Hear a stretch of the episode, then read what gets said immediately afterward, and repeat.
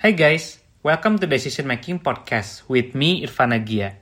Sebuah podcast tentang bagaimana kita bisa lebih baik dan juga lebih bijak dalam mengambil keputusan dalam kehidupan kita sehari-hari. Dibahas dari berbagai perspektif, terutama keilmuan psikologi dan behavior science. Karena hidup adalah akumulasi dari pilihan-pilihan yang kita ambil. Summary dari setiap episode podcast ini akan selalu gua share di fitur Insta Stories – jadi bisa cek aja nanti di Instagram at irfan underscore agia. Nah, di episode ke-90 ini, kita bakal bahas topik tentang effective communication. Atau bagaimana kita bisa membangun komunikasi yang efektif. Nah, teman-teman seperti yang kita tahu, setiap orang tuh pasti punya style dari komunikasinya masing-masing ya. Cuma memang uh, the art of effective communication ini menjadi satu hal yang mungkin uh, kita sering lupakan ya bagaimana kita bisa memastikan apa yang ini kita sampaikan itu diterima dengan baik dan juga diterima sesuai dengan yang kita harapkan ya oleh uh, pendengarnya gitu. Kenapa? Karena komunikasi yang gak efektif ini bisa menimbulkan beberapa risiko ya teman-teman misalnya dari salah persepsi, kemudian miskomunikasi yang kita semua tahu ya kalau biasanya miskom itu tuh adalah apa ya istilahnya uh, sumber dari berbagai macam pertengkaran gitu ya salah paham gitu kan biasanya berasal dari komunikasi yang tidak efektif. Jadi apa yang kita sampaikan itu diterima dengan persepsi atau uh, value atau message yang berbeda oleh pendengar gitu. Nah, contoh kalau misalnya di tempat kerja gitu ya, miscommunication ini bisa impact ke banyak hal, mispersepsi, unnecessary conflict gitu yang terjadi di tempat kerja gitu dan bahkan ada istilahnya namanya grapevine effect.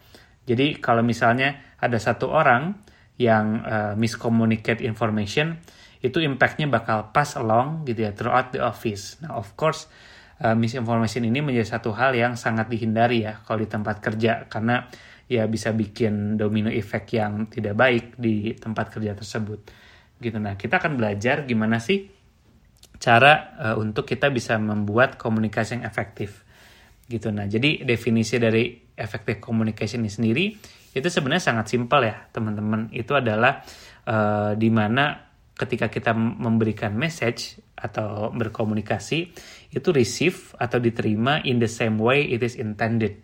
Intinya gitu aja, teman-teman. Intinya kalau kita pengen berbicara tentang A itu diterima oleh pendengarnya juga A ya. Jadi nggak kita sebenarnya pengen ngomong A, tapi diterimanya itu sebagai B gitu ya message-nya gitu. Jadi ketika kita ngomong tentang effective communication, kita perlu consider ada konteksnya, kemudian bagaimana cara kita deliver the message dan the most important thing adalah how the message is heard sebenarnya. Karena uh, communication itu bisa dibilang only effective ketika itu correctly receive, diterima dengan correct gitu sesuai intention jadi regardless seberapa apa ya istilah seberapa asertif, how beautiful gitu ya we might said something, if the other person didn't get it, then the communication is not effective gitu ya teman-teman.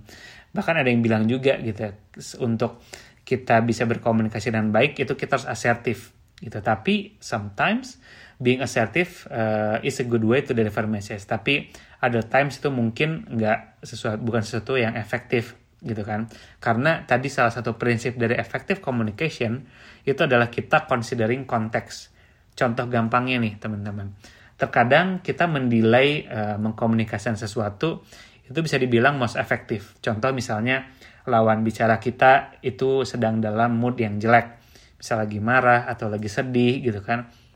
So in that context it may be best not to engage in a conversation at that time. Kenapa? Karena kalaupun kita ngasih tahu A gitu ya misalnya memberikan semangat gitu ya kepada dia atau memberikan masukan orang dengan konteks situasi emosinya lagi nggak bagus gitu ya not in the mood in in the discussion itu mungkin bakal menerima message kita dengan salah. Istilahnya mungkin kayak ngeledek uh, mereka ngerasa diledekin atau digurui padahal maksudnya nggak kayak gitu.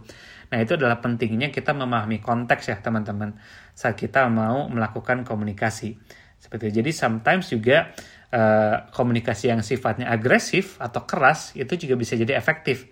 Ketika misalnya contoh kita lagi jalan sama anak kecil gitu ya. Terus anak kecil itu dia agak lari ke tengah jalan gitu ya. Nah kalau kita ngomongnya asertif gitu ya, uh, eh hati-hati gitu ya. Mungkin gak jadi efektif karena tidak terdengar gitu ya oleh si anak kecil tersebut. Tapi kalau kita agresif, kita yelling gitu, teriak uh, hati-hati gitu ya, secara keras, itu jadi efektif karena dia jadi mendengar gitu dan lebih alert gitu. Itu jadi contoh aja bahwa uh, depending on the context intensitas dari komunikasi kita itu juga bisa uh, berpengaruh gitu. Kadang most of the time aggressive communication itu nggak appropriate gitu ya. Tapi kalau kita berbicara efektif itu dalam konteks tadi ya kita pengen uh, menyelamatkan anak kecil gitu atau ngingetin itu uh, itu sometimes menjadi one one of the most effective way untuk berkomunikasi kan seperti itu. Nah jadi intinya kita perlu menyadari uh, konteksnya tadi ya teman-teman.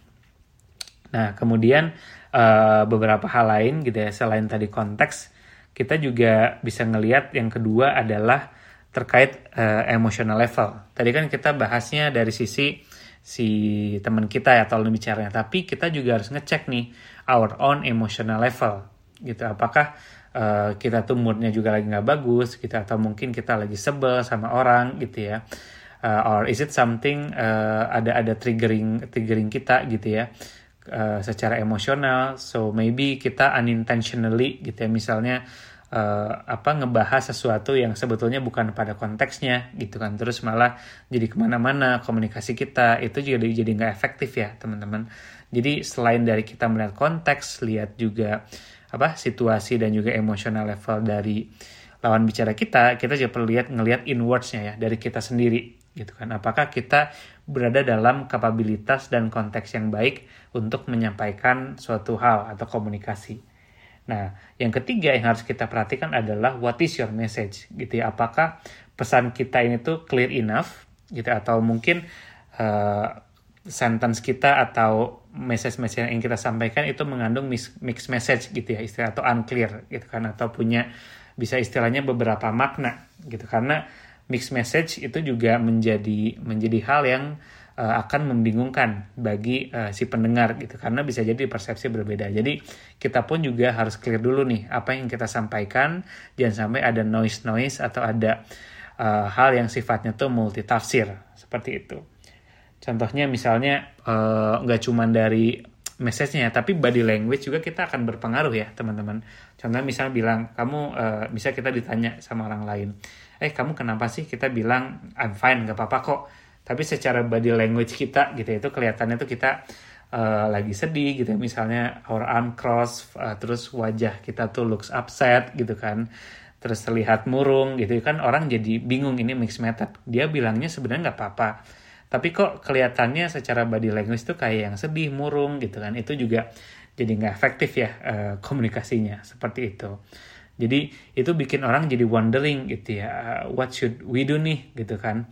Uh, dan uh, mixed message ini bisa bikin jadi mispersepsi juga kan pada orang lain. Seperti itu.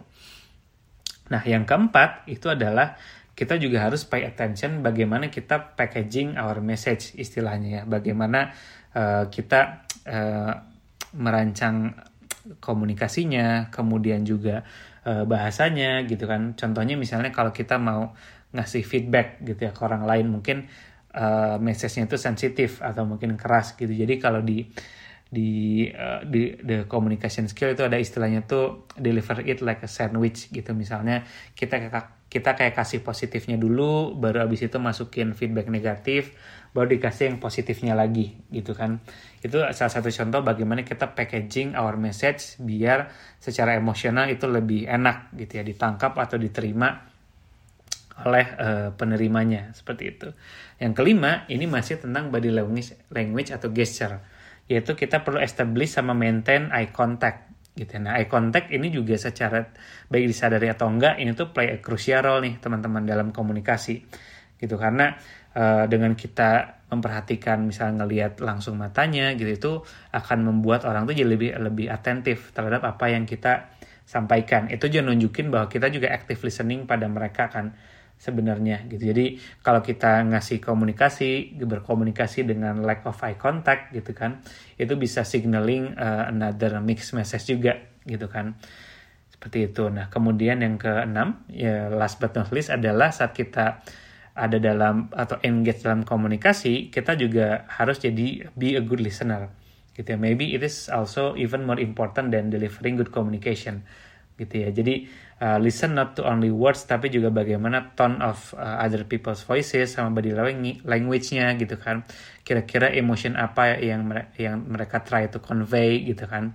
Karena dengan kita juga menjadi active listener kita juga memastikan gitu bahwa saat mungkin orang lain tuh paraphrasing our our message atau our communication kita bisa memastikan gitu ya apakah mereka sudah menerima pesan kita dengan baik gitu ya atau belum.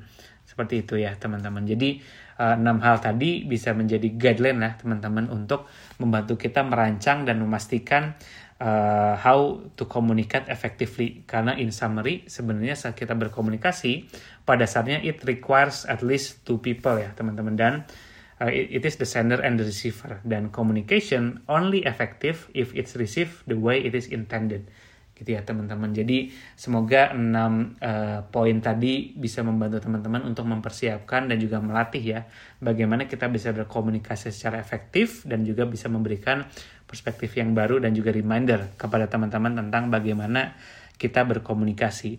Nah, mungkin itu untuk episode kali ini dan untuk episode selanjutnya gue bakal bahas topik tentang priorities. Nah, bagaimana kita bisa menentukan prioritas ya, skala prioritas dari kehidupan kita atau misalnya hal kecil gitu ya. Kita juga perlu punya skill untuk bisa managing our priorities. So, sampai jumpa di episode ke-91 kalau ada request atau masukan tentang feedback ataupun juga uh, topik-topik yang ingin disampaikan, boleh banget email atau message gue di Instagram at irfan underscore agia. Nah, kalau teman-teman merasa topik-topik di podcast ini berguna atau memberikan wawasan yang baru, please do share it to others. Bisa bagikan link konten podcast ini di Instagram, because sharing is caring. Thank you and see you in the next two weeks. Bye-bye.